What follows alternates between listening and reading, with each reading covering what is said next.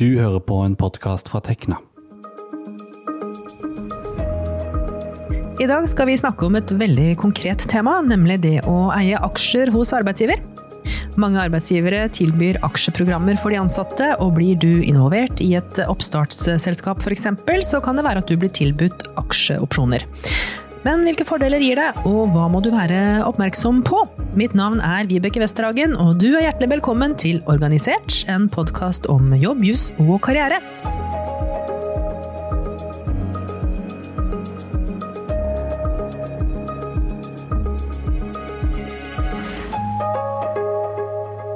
Hei, Ali Ahmed. Du er advokat og jobber med privatrett i Tekna. Og så jobber du også med et faglig nettverk i foreningen som heter Tekna egen bedrift. Kan ikke du fortelle litt om hvordan en typisk arbeidshverdag ser ut eh, for deg? Hei, Vibeke. Ja, det kan jeg absolutt gjøre. En typisk hverdag for meg består jo av eh, henvendelser fra medlemmene våre. Eh, og da er det jo altså, både privatrettslig og selskapsrettslig. Folk lurer jo på alt fra mobilkjøp til fast eiendom, og selvsagt også eh, folk som eh, har fått tilbud om å kjøpe aksjer, eller eventuelt fått opsjoner hos arbeidsgiveren sin. Ja, for Temaet i dag det er jo da aksjer hos, eh, det å eie aksjer hos arbeidsgiver. Ikke, hva, hva, slags type virksomheter er det som tilbyr ansatte eierandeler på denne måten? Eh, altså det er eh, veldig mange typer selskap som tilbyr eh, aksjer til sine, eh, eller eierandeler til sine ansatte. Det er ikke helt uvanlig lønningsmekanisme, i hvert fall i gründer- og oppstartsselskaper. Men det er også eh, mange store børsnoterte selskaper til og med, som tilbyr sine, aksjer, eh, som tilbyr sine ansatte aksjer gjennom ulike aksjeprogrammer. Hva slags, hva slags volum er det vi snakker om her? Altså, hvor mye aksjer er det man gjerne får tilbud om? Litt avhengig av type stilling man har, kanskje? eller? Ja, det er litt avhengig av type stilling, og selvsagt også avhengig av selskapets størrelse. Altså, eh, I de fleste tilfellene vil du få en veldig liten eierandel, stort sett under 1 eh, Men er du, altså, i hvert fall i børsnoterte, så får du kanskje under en promille til og med òg. Kanskje en brøkdel av en promille. Ja. Men, men er du tidlig med i en oppstartsbedrift, kan det hende at du får tilbud om eierandel som er betydelig større. Og da snakker man jo fort om at du enten får kanskje oppimot 20% Ja. Du snakker om at det er en type lønnsmekanisme det her også, kan være? Sånn type oppstartsbedrifter? Ja, det, det er det jo. Eh, eh, fordi eh, oppstartsbedrifter har jo ikke så veldig mye kapital. Og da er jo det en, en insentiv til å innhente kloke hoder, rett og slett.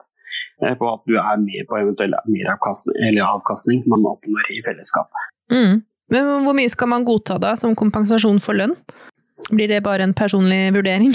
Ja, det, det er litt vanskelig. Den, det blir jo en litt personlig vurdering. fordi eh, du må jo vurdere ut ifra din personlige økonomi. Eh, men det må jo være penger du har råd til å tape. Altså, det er jo generelt med aksjeinvesteringer så er det jo eh, det er jo forbundet med en viss risiko. Særlig i oppstartsselskaper så er det jo i hvert fall kanskje høyere risiko, mye høyere risiko enn f.eks. børsnoterte. Og da må du eh, ha råd til å tape disse pengene. Mm. Du må ha råd til å ha investert mye tid i arbeidet, men allikevel tape? Ja.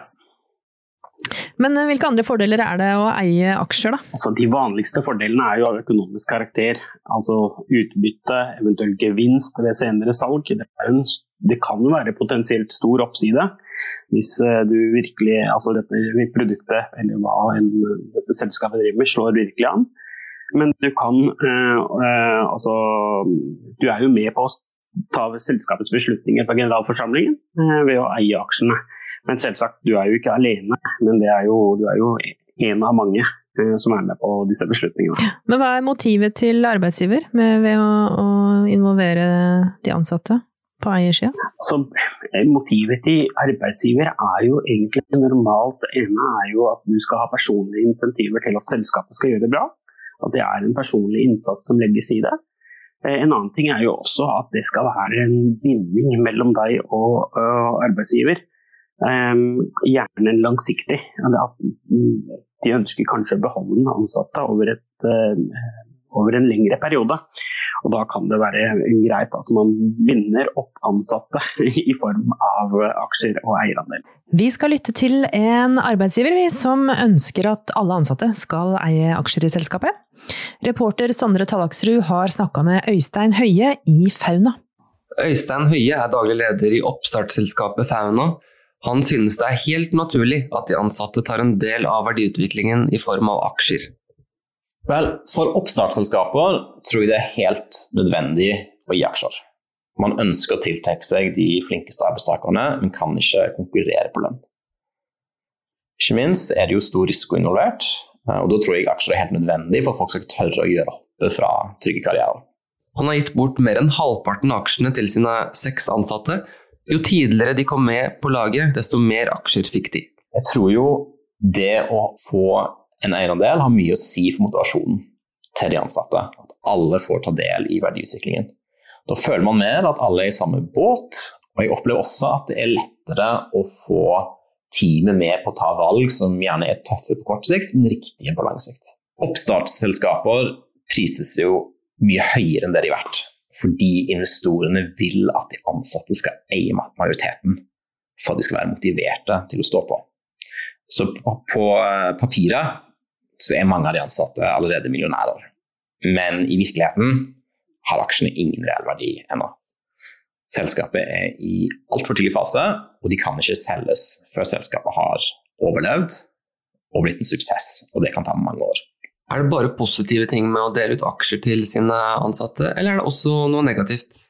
Ulempen med eh, en slik modell er at du får jo en del papirarbeid, og det blir litt skattemessig byråkrati både for selskap og ansatt. Og det er nok også mange ansatte som ikke er interessert i eierskap, og heller foretrekker å få høyere lønn.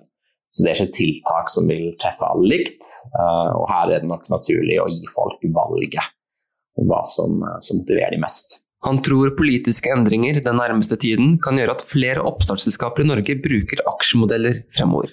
Norge har en litt spesiell skattemodell som har gjort det vanskelig å bruke opsjoner som et frynsegode. For det første så aktiveres i dag skatten idet opsjonene utløses. Dvs. Si når en får aksjene. Men eier man aksjer i et privat selskap, så er det ofte ikke lett å få solgt de aksjene. Så den ansatte risikerer å få en stor skatteregning i fanget flere år før de har sett noe til pengene uh, som de aksjene er verdt. Det har også vært slik i skattereglene at passive eiere får mye lavere skatt enn de som jobber for selskapet, som egentlig er rart, for de kjøper opsjonen på like vilkår. Og sist, men ikke minst, så har de eh, ordningene for opsjoner stort sett vært begrensa til veldig små selskaper. Og det gjør jo at de fleste ansatte i Norge ikke har kunnet ta del i det. Men nå tok faktisk Solberg-regjeringen og la fram et nytt forslag til opsjonsordning som løser alle disse problemene som jeg har nevnt. Og det er nå lovende signaler om at dette kan bli videreført i statsbudsjettet til Støre-regjeringen, så det blir veldig spennende å se hvor dette lander. Jeg tror jo at hvis dette blir innført, så vil det være en fantastisk mulighet for norske oppstartsselskaper til å eh, tiltrekke seg flinke ansatte. Og det blir også en kjempemulighet for at flere norske arbeidstakere kan eh, oppleve det å være eh, medeier i et, i et selskap, eh, med alle de mulighetene det gir. Ali Ahmed, advokat i Tekna. Hva skjer med aksjene som man har om man vil bytte jobb? I, I, de fleste tilfellene så er det jo slik at eh, du ikke kan uh, beholde aksjene. Eh, og det følger jo gjerne av aksjonær, aksjonæravtalen. Har du fått tilbud om aksjer i form av å være ansatt, så er det vanligste at du ikke får beholde aksjene. Men f.eks. i børsnoterte selskaper så er det det omvendte som er det vanlige, tenker jeg. At du får beholde aksjene, siden dette er allmennaksjeselskaper hvor alle kan eie aksjer. Mm. En ting som du ville at vi skulle prate spesielt om i dag, det er konkurranseklausuler. For det er litt sånn spesielt eh, når du har um, aksjer og du har muligheten til å påvirke uh, en virksomhet. Kan ikke du først forklare hva er en konkurranseklausul? Ja, altså konkurranseklausul er jo eh, altså, det, altså Man ser jo det både i arbeidsavtaler og i aksjonæravtaler. og Det er jo ofte en klausul om at du ikke kan enten, ha enten eierinteresser i en konkurrerende bedrift, eller eh, jobbe for en konkurrerende bedrift. Det er jo det det er. Og konkurranseklausulen innebærer jo at det er noen begrensninger på akkurat den biten der. Um, det er jo um, Når det kommer til um, problemstyrer knyttet til akkurat det, det jeg tenkte å belyse her, er jo at det er flere aksjonæravtaler som inneholder egne konkurranseklausuler. Og aksjonæravtale er noe en aksjonær vanligvis må tiltre, og du blir på en måte bundet av aksjonæravtalen. Eh, og da er du egentlig bundet av to sett med, eh, to sett med konkurranseklausuler. ene settet gjerne gjennom arbeidsavtalen din, og andre settet gjennom aksjonæravtalen. Vi er av den oppfatning at eh, arbeidsgiver ikke kan ilegge deg konkurranseforbud uten å kompensere i henhold til arbeidsmiljøloven kapittel 14a, så lenge din eierandel er klart under 20% av de stemmeberettigede aksjene. Fordi eh, du, altså, du, har ikke bestemmende innflytelse i selskapet hvis du har under 20% i hvert fall av aksjene. Eh, og arbeidsmiljøloven, eh, altså, i, hvis, bli, altså, hvis, arbeidsgiver skal ilegge deg uh, konkurranseforbud i henhold til arbeidsmiljøloven, så skal de jo kompensere deg med mener å huske at det er fullt lønn opp til 7 eller 8G. og 70 deretter. Eh, så da skal du ha rimelig kompensasjon for den perioden eh, altså konkurransebegrensningene ilegges. Men den aksjonæravtalen, er den, den er en generell avtale som gjelder alle aksjonærer? Det er ikke sånn at man kan få tilpassa en til seg sjøl, liksom? Det, altså, det som, det, altså, en aksjonæravtale er jo egentlig en avtale mellom aksjonærene i selskapet. Eh, og den vil normalt ikke være tilpasset den enkelte aksjonær. Eh, det vil være en generell avtale mellom alle aksjonærene, men selvsagt det går an å ha enkelte eh, altså ha en egen aksjonæravtale med en eller to eller flere for så vidt av aksjonærene. Men det vanligste for ansatte aksjonærer er at det er en generell avtale. Mm.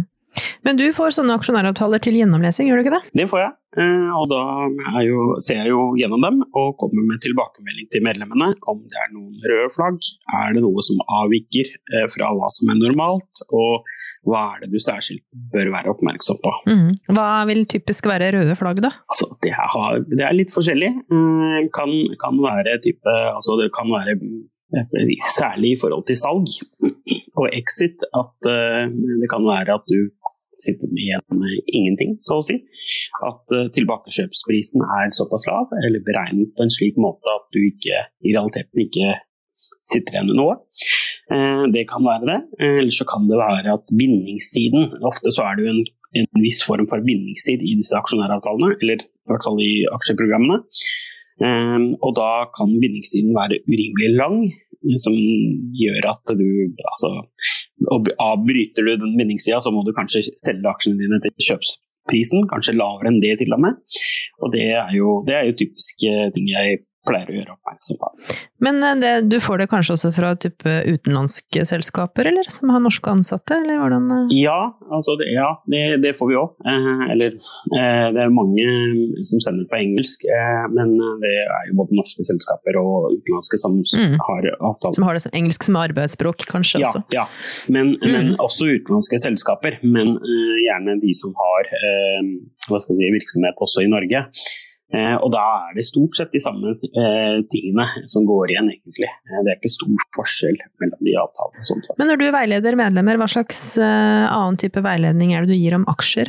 Hva slags spørsmål er det du får, og hva er det du svarer? Det er, det er veldig forskjellig. Altså, vi får jo alt fra mm, altså, vurdering av aksjonæravtale til opprettelse av selskap. Det er jo ikke bare det er jo ikke bare aksjonæravtalen. ikke sant? Um, og så får vi jo også opsjonsprogrammer tilsendt, opsjonsavtaler tilsendt.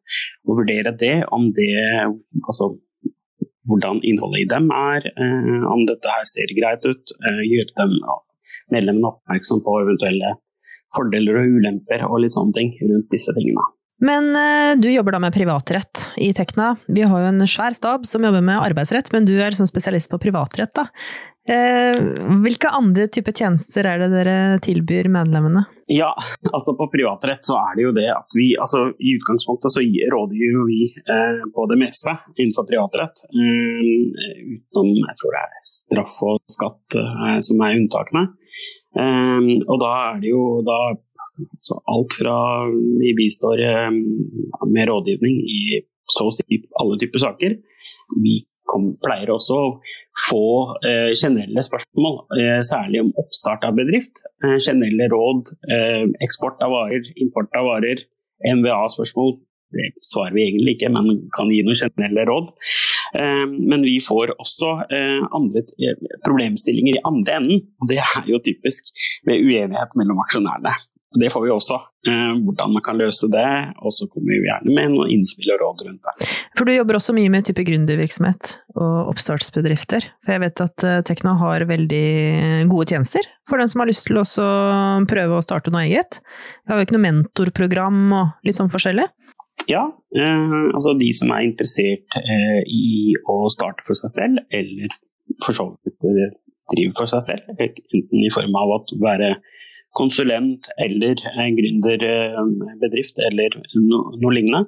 De kan jo være medlem av Tekna egen bedrift, og i Tekna egen bedrift så har vi mentorprogram. Hvor er, vi har noen mentorer som veileder, i, i hvert fall oppstartsfasen.